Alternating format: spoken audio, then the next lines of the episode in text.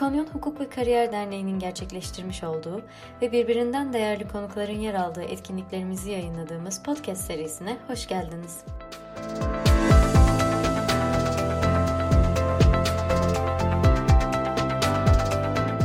Öncelikle e, bütün hani İkonyon Hukuk ve Kariyer Derneği'ne bu güzel organizasyon için, e, şu an bizi izleyen, dinleyen bütün arkadaşlarımıza da bu hafta sonu Gerçi herhalde çok daha iyi bir alternatif yok evde olduğumuz için hepimiz sokağa çıkmaya sağ olduğu için ama herkesi değerli vaktini ayırdığı için herkese de çok teşekkür ederim.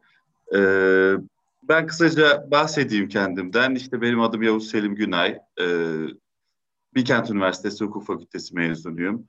Bilkent Üniversitesi'nden mezun olduktan sonra İstanbul'da Hergüner Bilgen Özeke diye bir avukatlık ortaklığında uzunca süreler çalıştım. 2016'nın aralığında da Havelsan'ın hukuk müşaviri olarak çalışmaya başladım. Önce hukuk müşaviri, daha sonra da işte hukuk sözleşmeler grup müdürü ve en sonunda da hukuk ve sözleşmeler direktörü olarak 4 yıl çalıştım Havelsan'da. Ee, bu süre içerisinde de işte hem e, Ankara'da yine Gazi Üniversitesi'nde ticaret hukuku alanında bir yüksek lisans yaptım. Daha sonra 2015 yılında işte İngiltere hükümet bursuyla, Çivinik bursuyla, e, İngiltere'de London School of Economics and Political Science'da, LSE'de uluslararası ticaret hukuku üzerine bir yüksek lisans yaptım. Ve şu anda tez yazım aşamasında olduğum bir doktora, yine ticaret hukukunda doktora yapıyorum ve inşallah yakın bir zamanda test sürecini bitirmeyi umuyorum, amaçlıyorum. Ee, dediğim gibi bir şey meslek pratik, avukatlık pratiğine dönecek olursak hani bu akademik tarafa e, ben bunları böyle ayrı ayrı anlatıyorum ama bunların hepsini bir arada götürdüm diye kadar yani bir araştırma görevliliği ya da bu şey için bir ayrıca bir vakit olmadı. İşte bu 2020'nin Kasım'ı itibariyle de Havelsan'daki görevimden ayrıldım ve yine aynı tarihte Ankara'da kurduğumuz bir, bir arkadaşımla beraber kurduğumuz Güney Erdoğan Avukatlık Bürosu'nda kurucu ortak olarak şimdi yeni bir girişimci olarak işte geçtiğimiz iki buçuk üç aydır da e, serbest avukatlık yapıyorum. Bu serbest avukatlık konusuna yine geleceğiz. Biraz sonlara doğru onu sormayı düşünüyorum. Hayırlı olsun ofisiniz. Umarım bol kazançlı ve çok güzel işler yaptığınız bir süreç olur sizin için. Çok teşekkür ederim. Ee, konuya biraz şeyden girmek istiyorum. Havelsan tecrübelerinizden ve Havelsan'ın şirket olarak yapısından. Çünkü savunma sanayinde ve devletle işbirliği içinde yürüyor. Hatta e, Türk Silahlı Kuvvetleri Güçlendirme Vakfı'nın bir şirketi yanlış bilmiyorsam. Doğru, doğru. E, bununla ilgili biraz e, çoğu kişi için savunma sanayi biraz uzak olabilir e, bizim aramızda ve Havelsan. O yüzden biraz bahsederseniz çok mutlu oluruz. Çok doğru. Bu savunma sanayi şirketleri mühendisler arasında çok popüler şirketler. Çünkü mühendislik şirketleri. Ama çok hukukçuların yakından tanıdığı şirketler değil. Ama çok Türkiye özgü, çok güzel ve çok başarılı bir yapı var savunma sanayi şirketlerinde. Sizin de dediğiniz gibi bir vakıf var. Türk Silahlı Kuvvetleri'ni Güçlendirme Vakfı. Bu vakıf, vakıf olmasının da ayrı bir özelliği ve önemi var. Bu vakıf işte Kıbrıs Barış Harekatı'ndan sonra e, bu silah askeri alanda yalnızlaşan Türkiye'nin kendi e, savunma sanayisini açıkçası güçlendirmek ve geliştirmek için tamamen Türk milletinin hani bağışlarıyla ve katkılarıyla kurulmuş bir vakıf. Eskiden işte Hava Kuvvetleri Vakfı, Hava Kuvvetleri Vakfı, Deniz Kuvvetleri Vakfı diye bir üçlü vakıf birleştiriliyor ve Türk Silahlı Kuvvetleri Güçlendirme Vakfı adını al, alıyor. Bu aslında devletle çok yakından alakalı bir vakıf tabii. İşte vakfın mütevelli heyeti başkanı aynı zamanda Türkiye Cumhuriyeti Cumhurbaşkanı, Cumhurbaşkanımız vakfın mütevelli heyetinde. İşte Milli Savunma Bakanımız, Genelkurmay Başkanımız, Vakfın işte Savunma Sanayi Başkanı, Vakfın mütevelli heyetinde. Yani devletle çok yakından alakalı ama aynı zamanda sermayesi de devlete ait değil. Sermayesi diğer e, devlete ait olan şirketlerden farklı olarak millete ait bir vakıf var ve vakıf hala çok ciddi bir şekilde bağış alarak bu bağışlarla Türk savunma sanayini geliştiriyor. Çok başarılı bir model dedik çünkü hakikaten Aselsan gibi, işte Havelsan gibi, Roketsan, TUSAŞ gibi ve Pilsan, Aş, e, İşbir gibi, Aspilsan gibi çok başarılı. Hele Aselsan, Roketsan, Havelsan, TUSAŞ gibi dünya çapında hani şeyde savunma sanayi alanında ilk yüze girmiş şirketleri artık ortaya çıkarmış bu vakıf. İşte bu şirketlerin hepsi aşağı yukarı büyük çoğunluğu işte bu Havelsan'da neredeyse yüzde yüz. Aselsan'ın bir kısmı halka açık, geri kalanın tamamı vakfa ait. Bu vakfın şirketleri bu anlamda Türk savunma sanayinin geliştirilmesinde bir ekosistemin oluşturulmasında bu şirketler öncülük etmiş şirketler ve global anlamda da savunma sanayi alanında çok büyük şirketler. Havelsan'ın üzerine gelirsek, Havelsan bunlardan belki biraz daha ayrı. Çünkü Havelsan savunma sanayi şirketi ama Havelsan bir yazılım şirketi aynı zamanda, bir bilişim şirketi.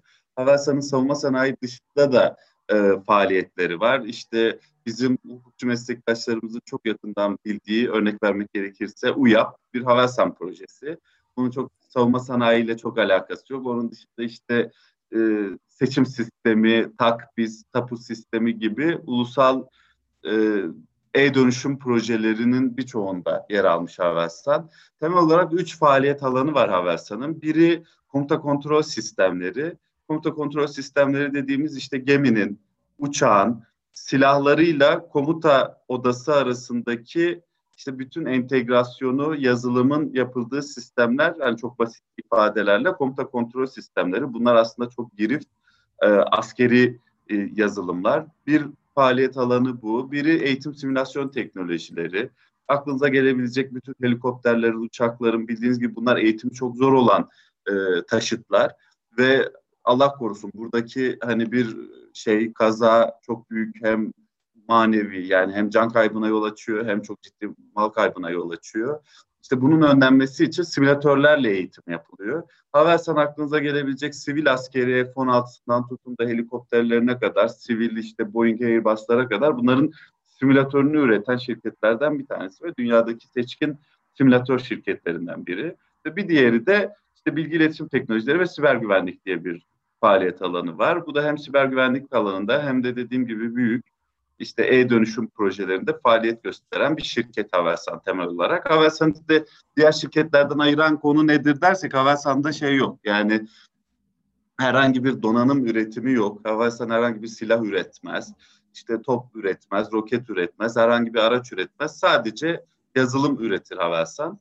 Ee, 2000'e yakın personeli var. Bunun neredeyse yüzde sekseni e, mühendislerden oluşan, yüksek kalifiyeli mühendislerden oluşan bir şirket. Milletimizin gururu yüz akı şirketlerden bir tanesi Havelsan. Evet, Havelsan'ın e, UYAP projesi UYAP projesi Havelsan'a ait olduğunu öğrenince ben çok şaşırmıştım.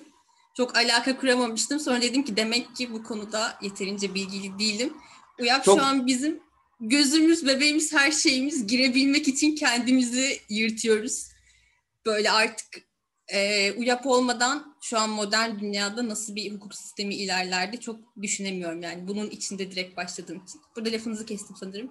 Yok estağfurullah. UYAP çok şey bir proje tabii eski bir proje 2010'larda falan hani yapılmış ve hakikaten o zamanki şeyle karşılaştırınca e, yani avukatlık yapanlar bilir çok büyük bir proje ve çok da hani her ne kadar sıkıntıları olsa da gerçekten dünya örneklerinde projenin yapılış aşamasında değerlendirince çok çok iyi bir proje UYAP.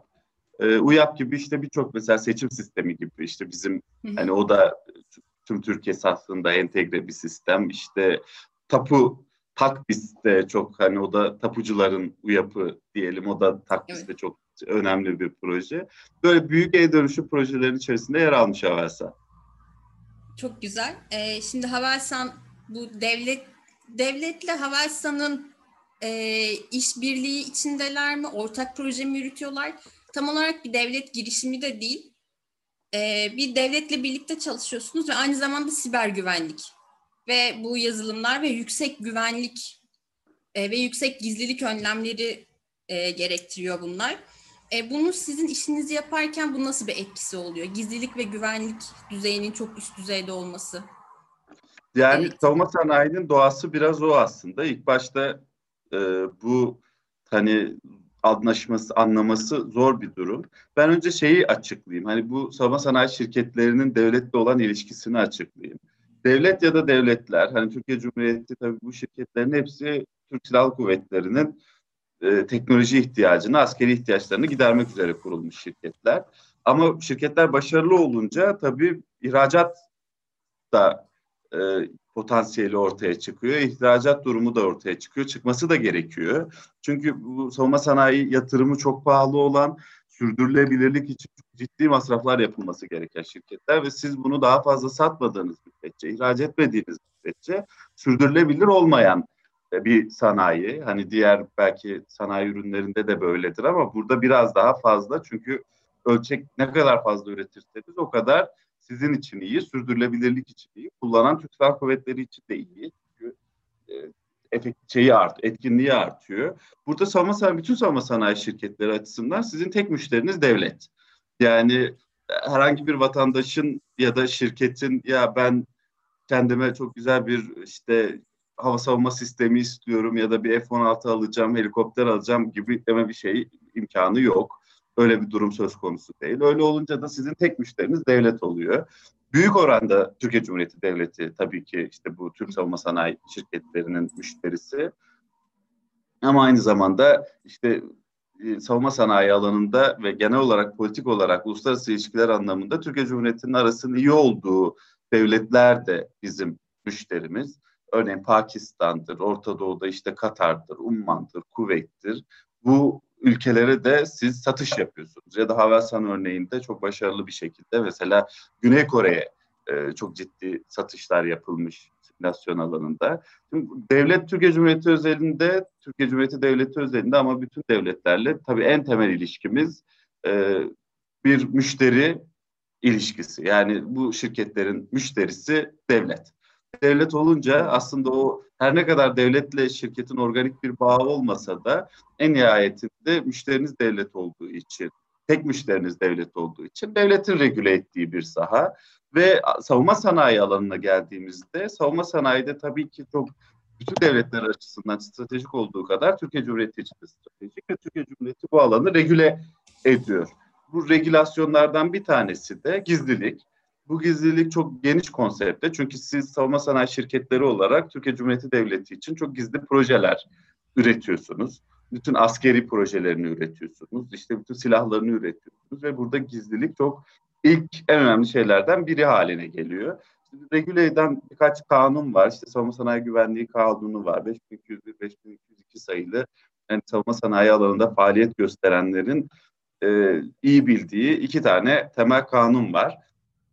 İşte ve bu kanunlara istinaden çıkarılmış ikinci mevzuatlar var, yönetmelikler var, tebliğler var. Burada gizlilik ve bütün şirketlerin kendi uyguladıkları e, özel işte şeyler de var. Bunları esas alarak gizlilik prosedürleri, yönetmelikleri var.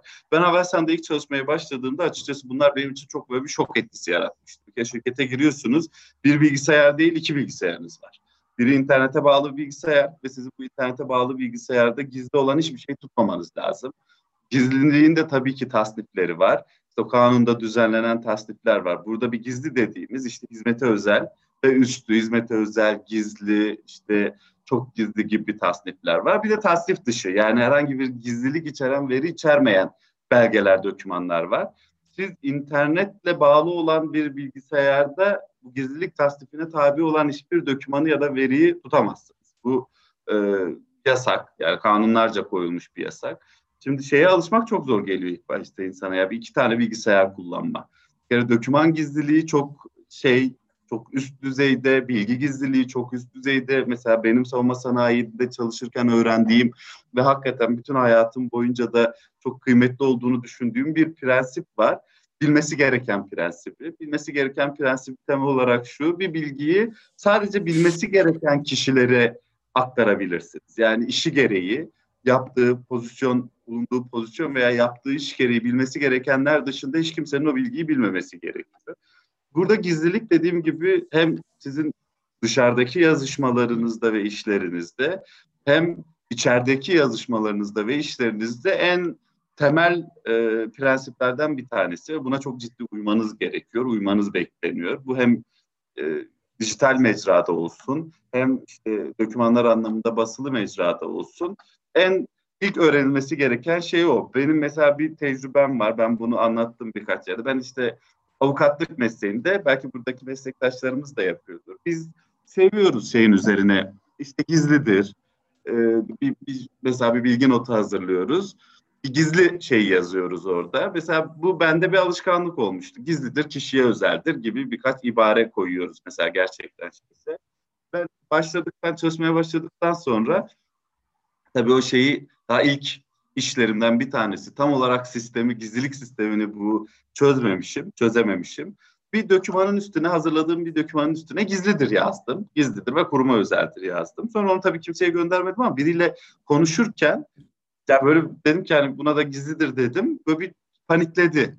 Çünkü gizlilik tasnifinin bir özelliği de tasnifi yani ben ona gizlidir diyorsam tasnifi yaparken o gizli bir doküman gerçekten ve gizli dokümanı da orada tutmamam gerekiyor. Yani internet ortamında. O bir ihlal.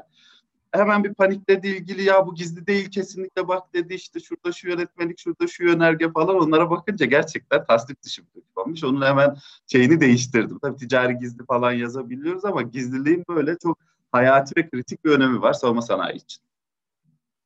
Evet şu an bu gizlilik biraz ürküttü ama bir yandan da bir devlete savunma sanayiyle ilgili yazılım ve donanım satan bir şirket başka nasıl çalışabilirdi?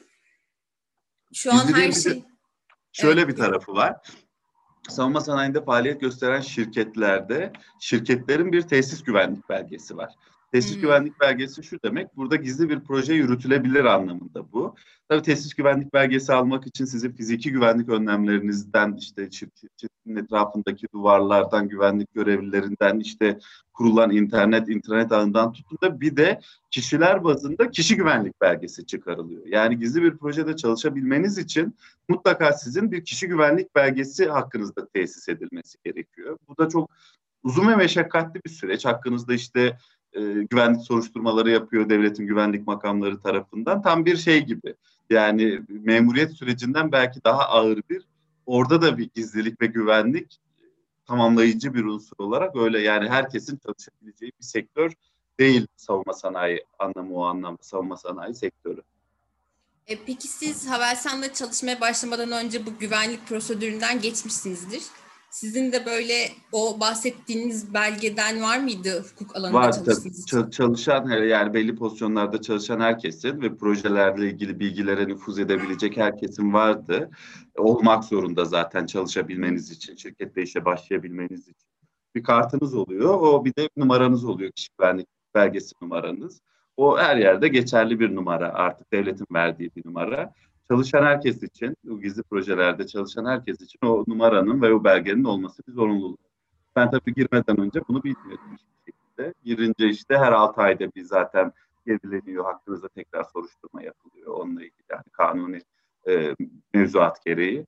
Öyle sıkı bir e, uygulama var savunma sanayinde.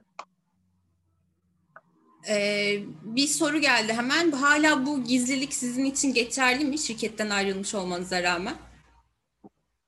Hayır ben işte e, tekrar girmeye girmek istesem bir savunma sanayi şirketine benim hakkımda tekrar bir güvenlik soruşturması yapılacak. Hı. E, tabii ki daha önce bir güvenlik soruşturması olduğu için pratik olarak belki daha kolaydır bu güvenlik soruşturması.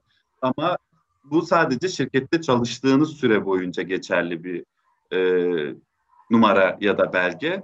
Çünkü aslında şirketin tesis güvenlik belgesinin parçası olarak verilmiş olan bir belge. Başka bir yere geçtiğinizde tekrar almanız gerekiyor.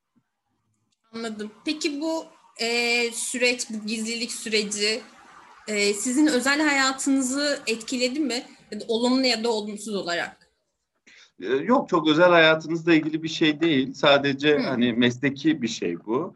Böyle hani gizlilik derken aklınıza böyle işte istihbarat falan gizlilikleri gelmesin. Öyle bir gizlilik değil ama siz neticede savunma sanayinde çalışırken devletin işte kaynak kodlarına nüfuz ediyorsunuz, projelerine Hı-hı. nüfuz ediyorsunuz. Daha teknik anlamda nerede ne sistemi var, hangi bölgede hangi radarlar var, işte hangi gemide hangi silahlar var gibi birçok bilgi aslında sizin elinizin altında oluyor. Bunlar gizli bilgiler, askeri bilgiler.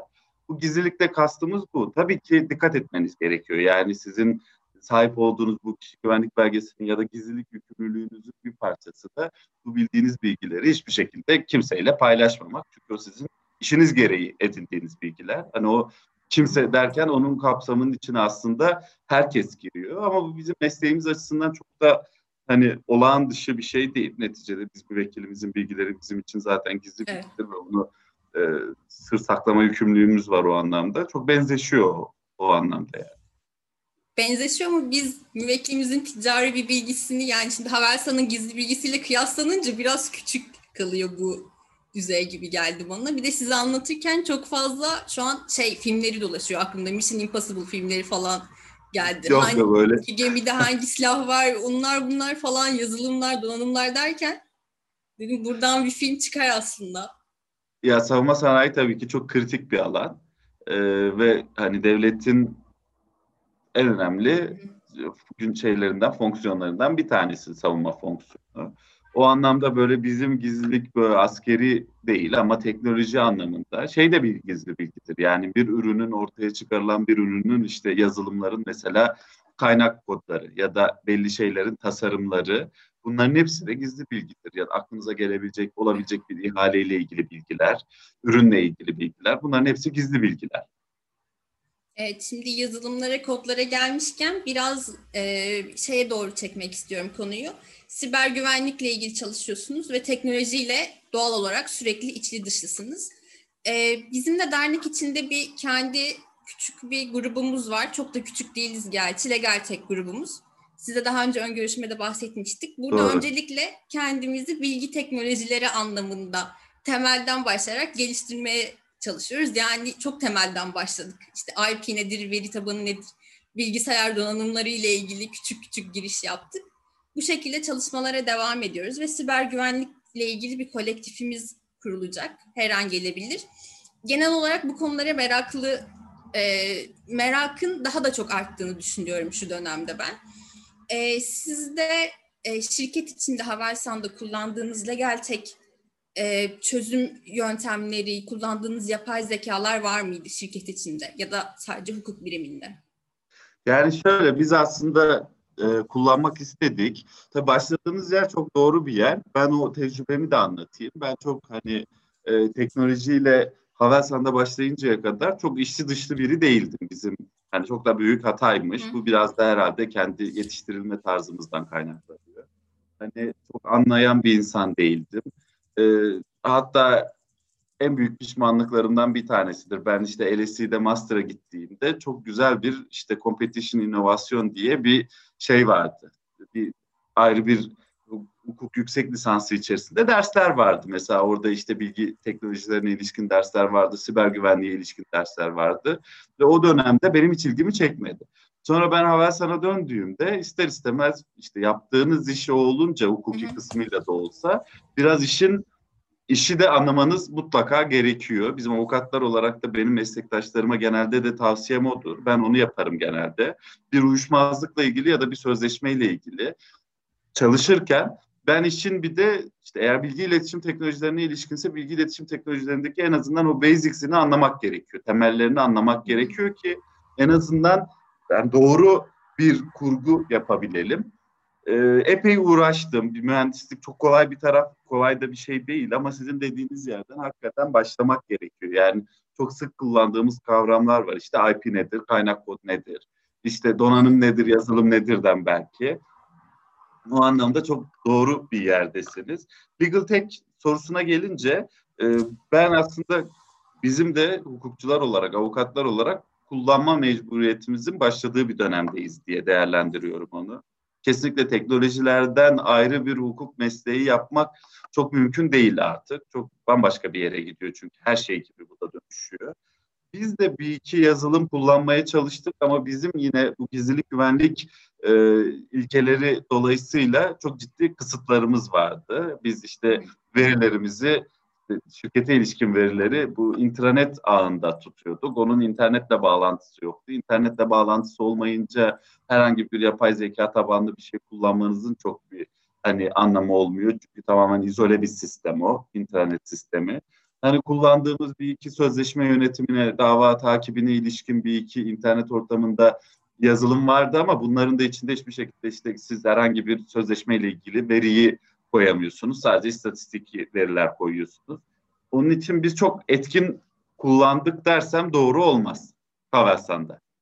Ee, ama şimdi ben işte hukuk bürosu da kurunca biraz serbest meslekte kendi bir kurumsallaşma anlamında da hani biz neler kullanabiliriz, neler yapabiliriz işimizi daha kolaylaştırsın diye ben de o gözle bakıyorum biraz bu legal tech e, meselelerine.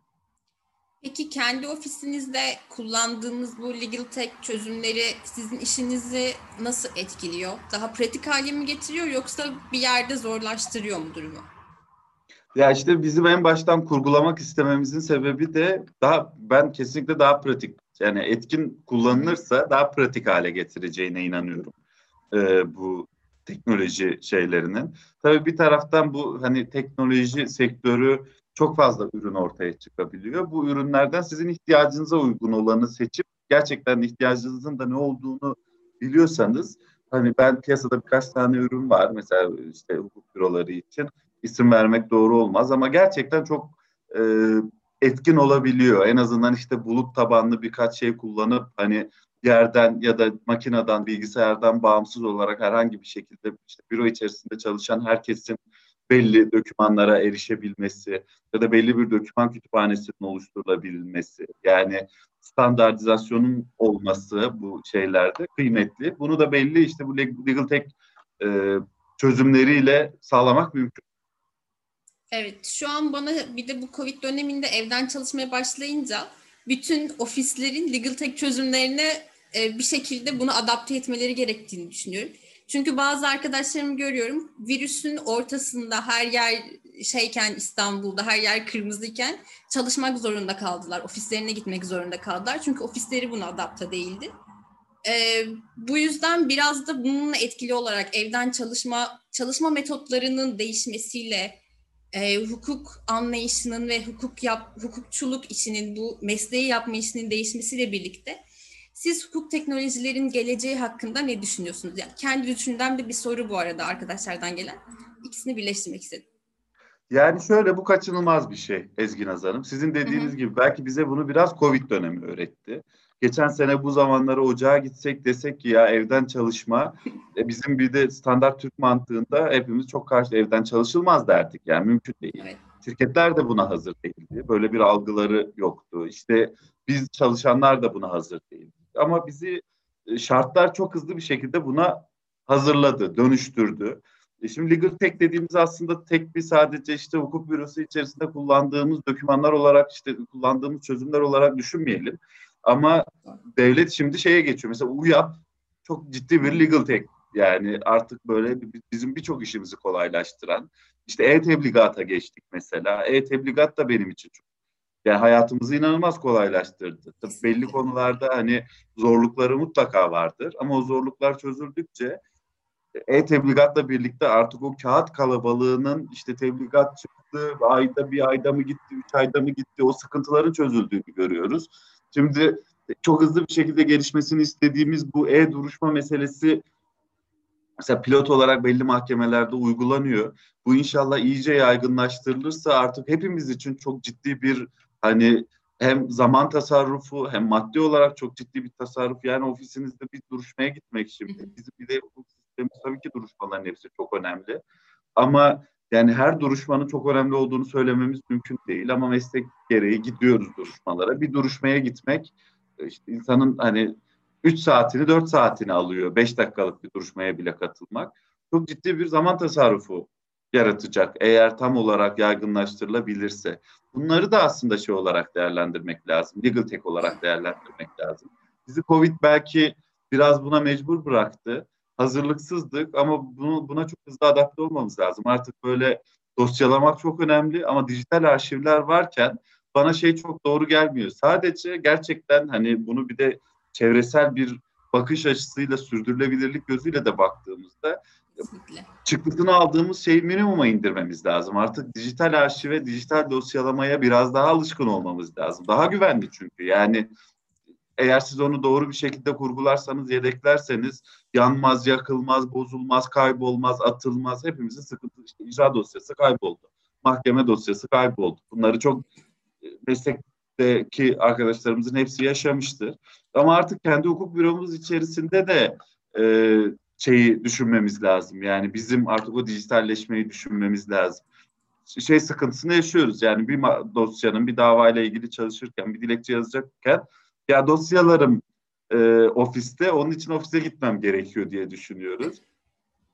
Ama artık dosyalarımız yine ofiste olabilir ama o dosyalara her yerden erişebilecek çok basit bir de bu çok böyle zor teknolojiler de değil teknolojiler var. Bunların hepsi insanların hayatını çok kolaylaştırıyor, etkinliğini çok artıyor, çok ciddi zaman tasarrufu yaratıyor. E, başka bakış açılarından da bakacak olursanız yani bir duruşmaya her gün bir duruşmaya gitmenin verdiği şey zaman kaybı, işte oraya giderken bir işte benzin yakılıyor, mazot yakılıyor, onun bir şeyi, bir maddi evet. kaybı, çevreye verdiğiniz... Bir de şehir dışındaysa. Zarar, şehir dışındaysanız çok ciddi külliyen zarar. Bunlara artık gerek yok aslında. Bunların çok basit teknolojik çözümleri var. Ama bu süreç evet. bizi biraz herhalde bu teknolojik çözümlere hızlı adapte olma zorunda bıraktı. Yani hiçbirimiz bundan bir sene önce böyle bir etkinliğin e, işte ben Ankara'dayım, siz İzmir'desiniz, işte Girayhan Beyler, Nermin Hanım işte Konya'da falan böyle bu kadar farklı katılımcılardan bir Anadolu'nun çeşitli yerlerinden biz etkinlik yapıyoruz. Bunu belki bir sene önce hani uygulamaları vardı ama hepimiz burun kıvırırdık buna. Derdik ki şey olmaz öyle de etkinlik mi olur ya mutlaka şeye geleceğiz, yüz yüze geleceğiz diye. E şimdi çok hızlı alıştık. Artık herhalde rutinimiz bu oldu. Buna inşallah Covid biterse bittikten sonra da uygulamaya devam edeceğiz. Çünkü bunun çok pratik ve etkin olduğunu anladık. Evet yani bir zorundalık olmadıkça buna adapte olamayacakmışız. Hepimiz bu adapte olmayı bekliyormuşuz ama bir nedenimiz yokmuş. Ee, bu bize bir nevi zorunluluk oldu. Şimdi ben gelen soruları biraz size iletmeye başlayacağım. Ee, soruları bu arada sesli değil de arkadaşlarımız chatten yazarlarsa Tabii. çok sevinirim. Ben buradan takip ediyorum. Ee, bir arkadaşımız savunma sanayi sürecinde çalışan biri olarak istihbari endişeler sebebiyle gündelik hayatta bir şüpheci, şüphecilik yaşam, yaşayıp yaşamadığınızı sormuş. Yani buna paranoya demeyeyim de işin gereği diyeyim diyor kendisi. Yok benim öyle bir şeyim yok. Genel olarak hani öyle bir tarzım yok. Siz işinizi doğru yapıp etik işte hukuki ilkelere uyduğunuz müddetçe yani gizli güvenlik koşulları sizi paranoyaya sokulacak koşullar değil. Sadece işiniz gereği bildiğiniz bilgiyi ifşa etmemeniz anlamına geliyor. Bunun da insanın bir paranoyaya, bir rahatsızlığa, özel hayatını günlük yani biz ajanlar değil savunma sanayinde işte evet. bütün şirketleri toplarsanız Türkiye'de 40-50 bin insan çalışıyor. Herkes çok normal mühendisler, işte idari personel, hukukçular, iktisatçılar falan. Yani öyle bir kaygı olabilecek bir durum söz konusu değil. Peki e, bir başka soruya geçiyorum. E, yanlış duymadıysam avukat bey doktorasını ticaret hukuku alanında yaptığını söyledi. Siber güvenlik alanında çalışmış olmasına rağmen akademik anlamda bilişim hukuka yönelmemesinin özel bir sebebi var mı diye soruyor. Ee, özel bir sebebi yok. İşte dediğim gibi ben doktoraya şeyde başlamıştım. E, Havelsan'da çalışmaya başlamadan önce başlamıştım. Hani ticaret hukuku da benim tabii şirketler hukuku, ticaret hukuku akademik olarak çalıştığım alan. Orada da enteresan bir konuda yazıyorum doktora tezimi. Bu startup şirketlerinin, girişim şirketlerinin aslında yine hani bu teknolojilerle siber güvenlikten falan çok uzak bir konu değil. Bunların finansmanı, işte hepimizin bu risk sermayesi, kitle fonlaması ve burada girişimci ile yatırımcı arasındaki menfaat çatışmalarını hukuki bir perspektiften inceliyorum ben doktora tezimde. Yine çok uzak bir alan değil. Ee, ama hani özel de bir sebebi yok açıkçası. Yani yüksek lisansım da ticaret hukuku üzerine. Hep kendimi ticaret hukukçusu olarak e, konumlandırdım. Ama ben hani insanın sadece akademik çalışması tabii ki avukatlıkta özelleşme, uzmanlaşma çok kıymetli bir şey. Bunu ister istemez siz istemeseniz bile zaten yani mesleğiniz sizi buna zorunlu kılıyor. Ben işte neredeyse kaç yıllık avukatlık mesleğimde hani hiç ceza işi yapmadım diyebilirim. Yani bu böyle ekonomik suçlar haricinde yaptığımız e, hiçbir ceza işi yapmadım. Bu şey oldu yani mecburen o anlamda bir özelleşme oldu. Ama ticaret hukukunda doktora yaparken tabii ki pek tabii ki siber güvenlik alanında, bilişim teknolojileri alanında, bilişim hukukunda da uzmanlaşabiliyorsunuz. Hani pratikte o kadar daraltamıyorsunuz her zaman akademik işinizde işte kendi mesleki e, uzmanlıklarınızı daraltamıyorsunuz o kadar. Evet, teşekkür ederiz. Ee, bir diğer soru da e, in-house avukatlıkla ilgili. E, sözleşmeler direktörü olmanın getirdiği tecrübeler, riskler ve avantajlar nelerdir?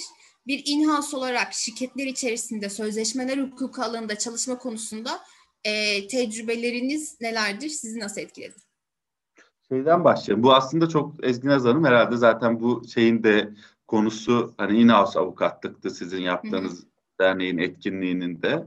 Biraz belki oradan da hani bir bu soru bir vesile olmuş olur. Oradan da biraz bahsetmiş oluruz. Hani ben hukukçuluğuna, avukatlığına çok güvenen bir insanım. Bu şeyde de böyleydi. Yani Havelsan'da çalışmadan önce de böyleydi. E, şeyde de konuşurken sizde bir de görüşürken şeyi de söylemiştim. Ben açıkçası in-house konusunda da çok tereddütlüydüm. Ee, bu işe başlamadan önce. Çünkü ben şeyin gerçek avukatlığın, hukukçuluğun böyle in-house'lukten biraz daha onun niteliğinin değiştiğini mutlaka şeyde serbest avukatlık yaparken, serbest avukatlıktan kastım işte yani piyasada avukatlık yaparken olduğuna inanıyordum. Sonra Havelsan'dan işte Havelsan meselesi başlayınca, Havelsan'da çalışmaya başlayınca ve çok şeydim dediğim gibi çok tereddütlüydüm. Ya ben işte acaba hukukçuluğuma, avukatlığıma yazık mı ediyorum bir şirkette çalışarak diye hani e, dürüst olmak gerekirse bir kaygım vardı. Şimdi bu kaygım e, ben de inhouse'luk yaptım. Yine inhouse'luk çok güzel bir meslek. Bu kaygım ama bir yere kadar doğru. Şöyle doğru çünkü hani yine çok hukukçuluğunuzun çok etkin olması gerekiyor. Yine avukatlık yapıyorsunuz in-house'da. Ama in-house'da yaptığınız şey aslında sizin tek bir müvekkiliniz oluyor. Çok çeşitliliğiniz azalmış oluyor. Yani eğer teknoloji alanında çalışan bir avukatsanız, in-house'sanız e, diğer sektörlerle ilgili pratiğiniz çok ciddi oranda azalıyor. Ve sizin hukuk alanında da sizin sadece şirketinizin ihtiyaç duyduğu e, alanlara kanalize olmak zorunda kalıyorsunuz. İşte benim örneğimde mesela ben bilişim teknoloji hukukuna daha çok kanalize olurken belki hani ne bileyim örnek verelim başka alanları işte kaçırdık. Başka alanlardaki ilgi alanımız daraldı. Bu serbest piyasada olunca bu çeşitlilik daha fazla olunca yani orada bir teknoloji hukuku işi yapıyorsunuz. Belki gidiyorsunuz ertesi hafta bir enerji hukuku işi yapıyorsunuz. Tam bir derinliğiniz tabii ki sektörde çalışan bir in-house kadar olmuyor ama yine o işlerden bir iş çeşitliliğiniz oluyor. Bu in-house'lığın bence en büyük dezavantajlarından bir tanesi. Ama en büyük avantajına dönecek olursak, benim gördüğüm faydaya ben bunu her yerde anlatıyorum. Bana in-house'luk bir şirkette çalışma işe bir iş adamı gözüyle bakmayı öğretti. Çünkü kendimi eleştirdiğim şeylerden biri dedim ya işte hukukçuluğuma güveniyorum. Benden bir bilgi notu istediklerinde önceden ben böyle 30 sayfalık 40 sayfalık makale gibi içinde işte İsviçre Federal Mahkemesi kararlarından tutun da Yargıtay'ın kararlarına kadar böyle inanılmaz hukuki tartışmaların olduğu akademik olarak hukuk şeyi olarak böyle nitelikli bir bilgi notu yazmayı çok büyük bir iş olarak kabul ediyordum kendi gözümde. Bu hala çok kıymetli bir şey. Ama işin bu tarafında olunca aslında bir taraftan işte şirketin CEO'su, şirketin işte iş yapan birimleri sizden bir bilgi istediklerinde Yargıtay'ın ne dediği ya da hangi hocanın o konuda nasıl hocaların akademik olarak kendi aralarında fikir ayrılıklarına düştükleriyle hiç ama hiç ilgilenmiyorlar. Yani bu onları inanın zerre kadar ilgilendirmiyor. Onların tek ihtiyaç duyduğu şey hani hukuken sizden bir görüş bekliyorlarsa belki bir paragrafla hele mümkünse bir cümleyle bir görüş vermeniz. Onun için sizin yazdığınız uzun akademik güzel işte dilekçeler, bilgi notları, notlar çok umurlarında değil. Haklı olarak umurlarında değil. Çünkü iş yapmaları gerekiyor ve orada sizinle hukuk akademisine ilişkin e, tartışmaya giremiyorlar. Yani girmemeleri de gerekiyor zaten. Bunu işte şey yapıyorsunuz. İlk başta size bir soru soruyorlar. Diyorlar ki ya bu bu mesele nasıl olur diye. Diyorsunuz ki ya ona işte Ünal Tekin Hoca böyle derken işte bilmem kim hoca da şöyle şöyle demiş ama Yargıtay'ın da böyle böyle kararları var ilk başta. Sonra bu oradaki adam için hiçbir şey ifade etmiyor. Ona ne Yargıtay'ın ne dediğinden ya da yani Ünal Hoca'nın ya da başka hocaların ne dediği de onu ilgilendirmiyor. Bu anlamda sizin daha böyle öz ve kısa ve iş dünyasına yönelik düşünmenizi sağlıyor in-house olarak çalışmak. Yani onların koltuğuna, onların gözüyle bakmak zorunda kalıyorsunuz. Ve bu sizi aslında piyasada iş yapan bir avukat olarak da çok geliştiriyor. Çünkü sizin bakış açınız çok değişiyor. Bir diğer bakış açısı değiştirdiği şey e, bizim avukatlıkta işte avukatta bir risk yönetimi de yapar.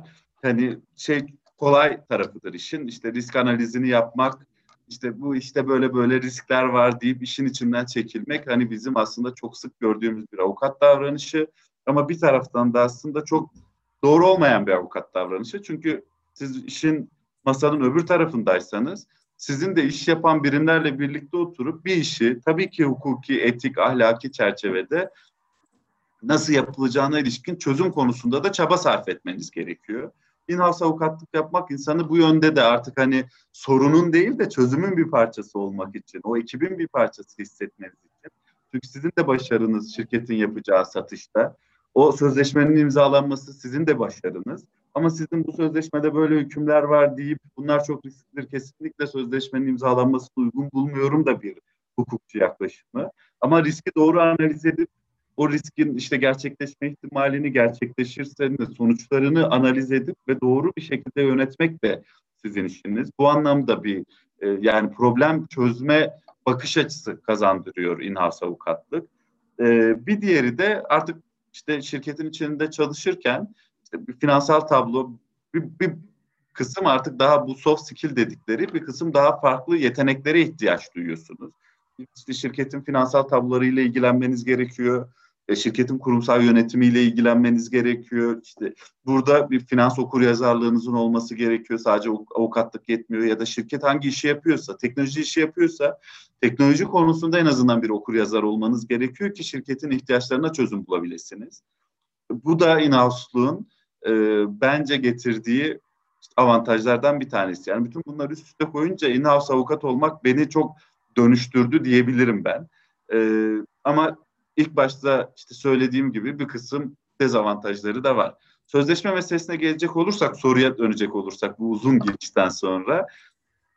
Şimdi savunma sanayi şirketlerinin e, kendine özel bütün dünyada bir yapısı var. Ben işte Havelsan'a başladığımda Havelsan'ın ilk hukuk müşavirliği olarak ilk birim amiriyim. Daha önce avukat arkadaşlarımız vardı ama bir organizasyonel olarak bir hukuk müşavirliği yokmuş benden önce ben işte o yapının ilk hukuk müşaviri olarak atandığımda hani bir sistem oturtmaya çalıştık, bir yapı kurmaya çalıştık. Ama sözleşmeler müdürlüğü diye neredeyse Havelsan'ın kuruluşundan itibaren var olan bir bölüm vardı. Bu Aselsan'da da böyle işte şirketlerin büyüklüğüne göre hukuktan bağımsız bir sözleşmeler müdürlüğü, sözleşmeler direktörlüğü oluyor. Bu bütün savunma sanayi şirketlerinde böyle. Ve kalabalık da bir grup oluyor. Aşağı yukarı Havelsan'da hani e, hukuk ekibinden epey kalabalık bir sözleşmeler ekibi vardı. Bunların içinde hukukçular da oluyor. Bunların içerisinde mühendisler de oluyor. İşte farklı backgroundlardan olan insanlar da oluyor. Ben ilk göreve başladığımda sadece hukuk müşaviri olarak başladım. O ilk kendimi tanıtırken saydığım e, şey ondandı. Daha sonra Havelsan'daki bu sözleşmeler müdürlüğü de hukuk müşavirliğiyle birleştirildi. Yani aynı çatı altında birleştirildi ve hukuk sözleşmeler direktörlüğü olarak organize edildi. Hukuk Sözleşmeler Direktörlüğü'nün altında hukuk müşavirliği ve sözleşmeler müdürlüğü vardı. Sözleşmeci bakış açısı açıkçası ben hani e, bazen onu söylüyorum. Onlar biraz da birbirinden daha farklı bakış açıları da var. Hukukçu olarak da sözleşmeci olarak çalışırsanız artık o iş için o biraz daha hani idari bir işe hukuk danışmanlığından çıkıyor. Daha farklı bir idari bir işe dönüşüyor. Çünkü siz onu şirketiniz için müzakere ediyorsunuz. İşte en başından başlıyorsunuz. Orada belki teknik kavramlara hakimiyetiniz çok daha fazla önem arz ediyor. Çünkü özellikle teknoloji alanında işte teknik şartnameler, idari şartnameler, iş tanımları bunlar sözleşmenin en kıymetli parçaları. Buralarda biraz deneyim kazanıyorsunuz. Bilgi sahibi olmanız gerekiyor. Yani bütününü görmeniz, şirket adına bütüncül bir yaklaşımla bakmanız çok önemli. Tabii ki burada hukukçu background'ı olmak çok büyük bir avantaj ama yeterli değil. Dediğim gibi işte bir teknoloji sözleşmesi yazıyorsanız teknolojinin o alanına mutlaka kimse sizden hakim olmanızı beklemez. Ama en azından kavramlarını, temel kavramlarını biliyor olmanız gerekir. İşte sözleşmeci olmak da bir kısım işte bu soft skill'ler dediğimiz özelliklerinizi, yetkinliklerinizi geliştirmeniz gerekiyor. Bunlar nedir? İşte müzakere konusunda, işte risk konusunda, risk yönetimi konusunda, problem çözme konusunda bir kısım yetkinliklerin de bu sözleşmeci olarak çalışmak için gelişmiş olması gerekiyor. geliştirmek gerekiyor. Bilmiyorum sorunun cevabı oldu mu tam olarak? Ee, bakayım arkadaşım sanırım sorusunun cevabını almış. Bir de hazır bu e, çalışmaktan bahsederken in-house'da e, bir dakika. Bir soru var ona ayrıca değineceğim. O da benim kişisel olarak merak ettiğim bir soru. Ama önce şeyi sormak istiyorum. Siber güvenlik alanı diğer alanlara nazaran mevzuatı daha dar olan bir alan. Havelsan içerisinde bu operasyonlarda çalışırken zorlandınız mı bu nedenle demiş bir arkadaşımız. Doğru, zorlandım. Ee, siber güvenlik biraz daha lokal şeyler de var tabii. Yani o hı hı. işte mevzuat olarak hani şey yok, dağınık. Bir siber güvenlik kanunu gibi bizim böyle referans verebileceğimiz bir kanun yok. Birçok kanunun içinde ya da birçok işte siber güvenliğin bir tamamlayıcı ayağı olarak da hani 2016 yılında bir kişisel verileri koruma kanunu Türkiye'de de yürürlüğe girdi. Bu da bir belki siber güvenliğin bir tamamlayıcı ayağı olarak düşünmek lazım. Onun ikinci mevzuatını o anlamda siber güvenliğin ayağı olarak düşünmek lazım. Siber güvenlik tabii hukuki boyutu çok önemli. Çünkü siber güvenliğin iki türlü hukuki boyutu var. Bir kurumların kişilerin uyması gereken e, kurallar boyutu var. Bir de siber güvenlik artık bir yani milletler arası, uluslararası e, denklemde de çok önemli bir alan. İşte ülkelerin siber güvenliğe çok büyük yatırımlar yaptığını görüyoruz. Siber güvenlikle ilgili kuvvetler kurduğunu, neredeyse ordular kurduğunu e, görüyoruz. İşte bizim mesela Türk Silahlı Kuvvetleri'nde de siber güvenlikle ilgili özel bir birim, bir komutanlık var. Amerika'nın, Çin'in, Rusya'nın buraya çok ciddi yatırımlar yaptığını görüyoruz. Siber güvenlik hukuku o anlamda belki daha lokal bir hukuk değil, daha uluslararası bir e, hukuku içine alıyor. Çünkü sizin siber güvenlik artık sadece Türkiye içerisinde olan değil, siber güvenlikle ilgili tehditler genelde yurt dışından geliyor. Onun için sadece sizin Türkiye'de koyduğunuz kuralların belki hiçbir anlamı olmayabilir. Daha uluslararası sözleşmeler, daha uluslararası düzenlemeler. Bu alanda da siber güvenlik hani gelişen bir alan. Benim mesela çok ilgi çekici olarak bir 2017 yılında bir eğitime gitmiştim ben. Tallinn'de, Estonya'da bir NATO'nun siber güvenlik mükemmeliyet merkezi var. Ee, bu siber güvenlik mükemmeliyet merkezi işte Tallinn'de kurulmuş belli sebeplerle, Estonya'da kurulmuş ve burada siber güvenlik anlamında faaliyet gösteren global bir NATO birimi. Bu uluslararası siber güvenlik hukuku diye bir eğitim vardı işte. Epey uzun süren bir eğitim, bir hani diploma gibi bir şeydi. Orada mesela ben işte Türkiye'den sadece ben katılmıştım o zaman ona 2017 yılında. Ama dünyanın her yerinden e, işte aklınıza gelebilecek her yerinden. Yani Orta Doğu'dan, Orta Asya'dan, Avrupa'dan, Avustralya'dan, Amerika'dan, Amerikalı hocalar vardı, Avrupalı hocalar vardı. Orada bir şey çabasını görüyorsunuz. O Tallinn'deki Siber Güvenlik Mükemmeliyet Merkezi'nin çıkarmış olduğu belli işte mevzuat da var, uluslararası sözleşmeler de var, belli kitaplar var o konuda. Herkesin problemi aslında uluslararası bir problem. Yani Türkiye'deki siber güvenlik problemiyle Rusya'daki ya da Avustralya'daki siber güvenlik problemi birbirinden daha farklı değil hukukçu gözüyle bakınca. Onun için çok lokal bir problem olarak yaklaşmak doğru olmaz. Siber güvenliğe daha uluslararası perspektiften daha bütüncül bakmak gerekiyor. Ve e, bu konudaki belki uluslararası sözleşmelere, devletler arası ya da işte devletler üstü kurumların çıkardığı mevzuata da bakmak gerekiyor. Yani mevzuat anlamında gelişen ama aynı zamanda uluslararasılaşan bir mevzuat var demek yanlış olmaz. Doğru. Tam bu buraya gelmişken alakalı olduğunu düşündüğüm bir soruyu yöneltmek istiyorum.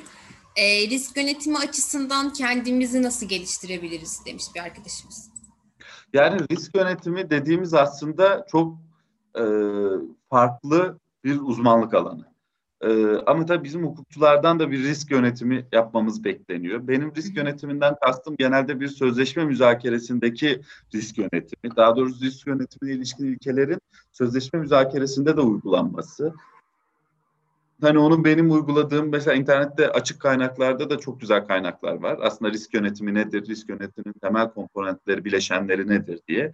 Mesela çok basit bir e, hani bir hukukçu hastalığına da düşmeden bazen çünkü biz hukukçular olarak e, müvekkilimiz için faydası olmayan şeyleri belirli sebeplerle öyle inandığımız için kişisel hırslarımız, egomuz dolayısıyla ısrarcı olabiliyoruz belli konularda. Şunu kastediyorum aslında. Aslında yaptığımız, zaman harcadığımız, mesai harcadığımız, efor harcadığımız şeyin müvekkilimize doğrudan hiçbir katkısı yok. Ama biz belli hukukçu hastalıkları dolayısıyla onları tartışmayı ve onlarda bir mücadele vermeyi çok seviyor olabiliriz. Ee, bu bir genel hukukçu yaklaşımı olabiliyor bazen. Risk yönetiminde de işte bu sözleşmelere bakarken benim yaklaşımım genelde şöyle oluyor. Yani bir sözleşme hükmüyle ilgili, sözleşme maddesiyle ilgili, sözleşmenin bir kısmı ile ilgili mesela bir risk tanımı yapabiliyorsak, burada bir riskli bir durum var diyorsak onun mutlaka gerçekleşme ihtimaline de bakmak gerekiyor. Risk çok büyük bir risk olabilir. Gerçekleşme ihtimali sıfırsa aslında konuşmanın çok bir anlamı olmayabilir. Sonra bunun etkisine de bakmak gerekiyor. Eğer orada bunların totalinden yüksek bir etki çıkmasını bekliyorsak biz işte o zaman o risk özel ayrıca yönetilmesi gereken bir risk olarak ortaya çıkar. Ama gerçekleşme ihtimali sıfırsa mesela bir riskin ne kadar büyük bir risk olursa olsun teorik olarak aslında çok konuşmanın bir anlamı yok belki demek lazım. Ben işte sözleşme müzakerelerinde risk yönetimi olarak yoksa risk yönetimi şirketin ticari riskleri, uyum riskleri, itibar riskleri, finansal riskleri birçok riski var. Onların yönetimi dediğim gibi şirketlerde ayrı birimlerin olduğu ve ayrı yani uzmanlık alanı gerektiren bir şey. Ama hukuki risklerin, uyum risklerinin yönetilmesinde bizim açımızdan bir de uyum riskleri var. Ne olabilir bu mesela? İşte kişisel verileri koruması kanunu ile ilgili uyum sürecini yürütüyorsak oradaki ortaya çıkabilecek olan riskleri de doğru tespit teşhis edip ona göre yönetmemiz gerekiyor. Benim riskle ilgili genel aslında söylemek istediğim kendi alanımızda riskler. Tamam, teşekkür ederiz. Ee, bir soru daha var. İstanbul dışı bir şirkette çalışan bir avukat olarak bir dezavantajla karşılaştınız mı? Bunun farklı yönleri oldu mu? Ee, bu zor bir soru. Ben İstanbul'da da avukatlık yaptığım için e, bu kıyaslamayı belki biraz daha kolay yapabilirim. Evet. Ama bunu yaparken de üzülebilirim aynı zamanda. Şimdi İstanbul'da avukatlık yapmakla Ankara'da, Konya'da, İzmir'de, Antalya'da avukatlık yapmak arasında çok ciddi bir nitelik farkı var. Benim kendi kişisel gözlemim bu tabii. Yani çünkü işte İstanbul Türkiye'nin finans merkezi, Türkiye'nin ekonomi merkezi, şirketlerin büyük çoğunluğu orada. Ee, ve orada daha farklı bir şey oluşmuş durumda. Yani daha farklı bir kültür oluşmuş durumda. Ankara pek ben bunu şimdi serbest avukatlık yaparken de biraz hissediyorum, fark ediyorum. Ya da işte diğer meslektaşlarımız burada Anadolu'nun farklı çeşitli yörelerinde, illerinde avukatlık yapıyoruz. İşte bu İstanbul kadar belli şeyler hani İstanbul'da mutlaka daha zordur. Ee, belli şeyleri yapmak daha zor. Gerçi avukat sayısı olarak falan herhalde baktığımızda Ankara falan en yüksek şeye göre, nüfusa göre oranı en yüksek avukat olan yerlerden bir tanesi. Evet. Belki de Ankara. Ankara. Ama şey olarak tabii Ankara daha nispeten İstanbul'a göre daha küçük bir şehir. Ama ben İstanbul'da avukatlık yapmanın hani daha keyifli olduğunu düşünüyorum. Şimdi kendim Ankara'dayım. Tabii ki İstanbul'la çok entegre çalışıyoruz. İşte gidip geliyoruz İstanbul'a çok fazla her ne kadar bu pandemi bu işi çok zorlaştı, bu salgın bu işi zorlaştırmış olsa da ama İstanbul'da avukatlık yapmak Ankara'ya göre daha keyifli idi benim açımdan. Bu benim tamamen şahsi kişisel gözlemim. Daha keyifliydi derken oradaki bu İstanbul'u da çalışmadım hiç ama oradaki her şeyin çok hızlı aktığını, zorlanıyorlar adliyede orada burada ama bir yandan da hayatın çok hayatın çok hızlı aktığını ve işlerini daha çabuk halledebildiklerini duyuyorum arkadaşlarımdan. Sizin için ne yönden daha keyifliydi İstanbul? Şehrin bir dinamizmi var İstanbul'da. Bu kesin böyle. Yani Hı. hepimiz bunu hissediyoruz. İşte Ankara'da e, saat 9 olunca normal zamandan da bahsediyorum. Hani şeyden değil. Bu işte her yer kapanır. İşte insanlar artık tabii ki bu getirmiş olduğu şehrin bir kültürü dolayısıyla devlet dairelerinin de çoğunlukta olması dolayısıyla hani çalışma süreleri daha kısadır. Daha şey şehridir, daha sakindir Ankara. Ee, daha düzenlidir, daha stabildir. İstanbul daha böyle bir, daha bir karmaşık ve çok daha hızlı akıyor. Ve adliyeler öyle, bütün işte şeyler öyle, işlerin yaklaşımı daha farklı, hani nitelikler daha farklılaşıyor. E tabii bu büyüklüğün ölçeği büyük etkisi var. Hani tabii ki işte paranın iş, şey boyutunda çalışıyorsanız tabii işte benim gibi ticaret hukuku boyutuyla çalışıyorsanız İstanbul'da yapmak çok nitelik olarak da çok farklı. Ama tabii bu Ankara'da, Konya'da, İzmir'de çalışmak kötüdür anlamında gelmiyor, anlamına gelmiyor. Bu bizim kendi tercihimiz. Ee, ama dediğim sebeplerle herhalde biraz daha ilk başta bu legal tech'i falan konuşurken hı hı. E, dönüşüyor her şey.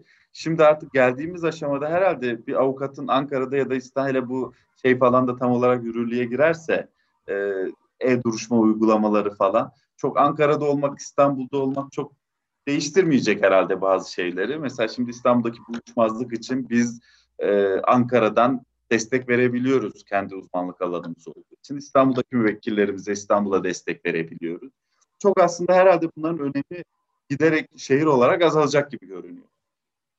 Gibi duruyor. Evet. Şimdi son e, soruyla e, yavaştan kapatmaya başlayacağız artık.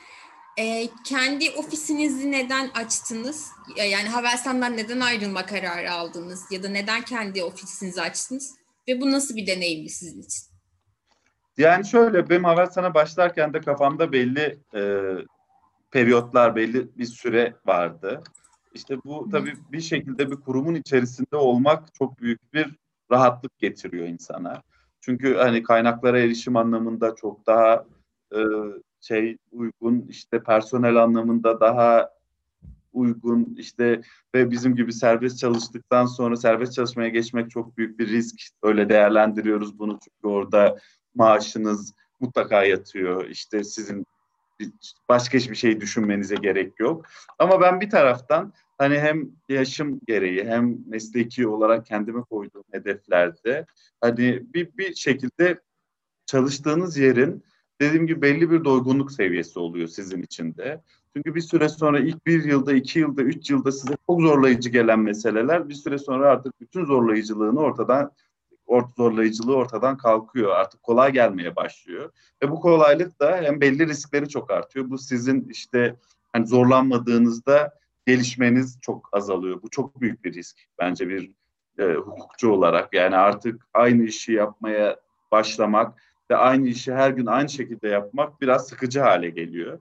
Ve mesleki olarak da artık o ilerlemenizin durduğunu hatta geriye gitmeye başladığınızı düşünüyorsunuz. Benim hayatımda hep kendi işimi kurmak bir hedefti. Yani bunu hayatımın bir noktasında yapmış olmak e, istiyordum. Tabii bu çok zor bir şey bir taraftan. Bu kararı vermek zor bir karar. Hele yani kaybedecek bir şeyleriniz varsa işte maaşınızdan, şirketin sağladığı olanaklardan falan vazgeçme pahasına bunu yapıyorsanız. Ama ben benim için çok uygun bir zaman olduğunu düşündüm bunun için. Çünkü biraz daha kalırsam artık e, bir zehirlenme diye tabir edeceğimiz ve iyice bu cesaretimin kırılacağından korktum. E, ve bana şey demişlerdi, beş yıldan fazla kalırsan kalırsın artık, hiçbir şekilde ayrılamazsın demişlerdi.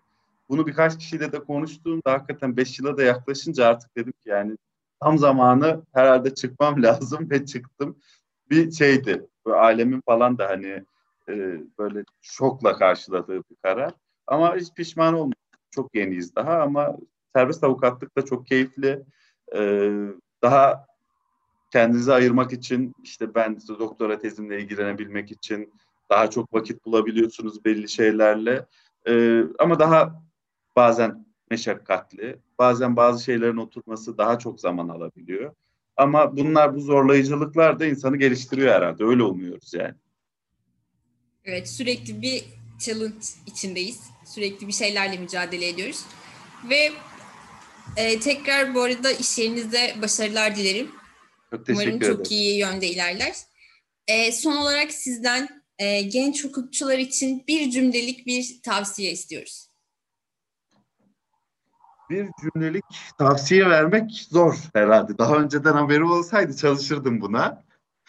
Ama ben bir cümlelik değil de belki çok kısaca birkaç şey söylemek isterim. Ee, dünya dönüşüyor. Sadece hukukçu olmak, sadece hukuk bilmek artık yeterli değil. Hukuku en iyi seviyede bilmemiz gerekiyor. Ama artık multidisipliner bakış açılarının çok kıymetli olduğu bir dönem yaşıyoruz. Onun için hukukla birlikte artık etkinliklerin çok kıymetli olduğu bir alanda, bir dönemde yaşıyoruz. Onun için genç meslektaşlarımızın e, keşke dememek için ben mesela ilk önce mutlaka bir dil, yabancı dil bir hatta iki mümkünse ama mutlaka İngilizceyi öğrenmelerini.